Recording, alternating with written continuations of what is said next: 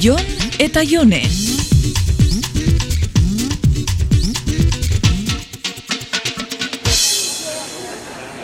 E, bakia ez da? Bai, bai. Ba, esaten ari nitzaizuen bezala, gaur oso goiz esnatu naiz eta gosaria prestatzenen bitartean irratia piztu eta gauza kurioso bat pasa zait. E, kuriosidadia baino ez da, eion, ze ordu da goiz zuretako?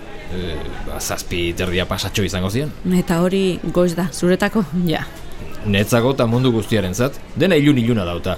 Ka kaleago hindi jarri gabe daude eta ordu horretan. Ni sortzira kaldera heltzen naiz bulegora, eta aurretik prestau nik hori armosatzen emon eta haurtzainde gixen lagadot. Ja, zure lankide zehozegatik esaten dizute Merkel bai. Ba, jente geixenak eitzen da hori, zuzara beste mundu baten bizi da naion. Bea, ni txorien moduan argiarekin bat esnatzen naiz. Eta txorixen moduan iluntziakin batera joaten zara lotara?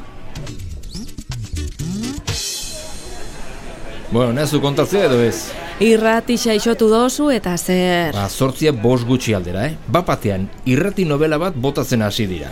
Ta oso bitxia izan da, zer irrati novelan bi protagonista zeuden. Ander eta Hane, eta jode, eski gure. E, ze irratitxan? E, Euskadi irratin. Ah, bai, uste dut mm, inoiz entzun dutela zeo zer, baina irrati novela nahiko barrixa da, ala? Ez dakit, ni gaur entzun de lenda biziko aldiz. Ez te normalean irrati entzuten hain goiz. Nik uste lengunean entzune bala zeo zer, baina behenetzan kaso larregirik egin. Bueno, ba, neri bitxi bitxira iruditu zait. ez dakit, nik ordu horretan albistiak entzun nahi ditut, irrati novela bat mm, arrarua itxen jata. Bueno, nik entzun dudan atala behintzat, benetan laburra izan da. eh? Ja, ez da luzia, baina eninduan engantxau.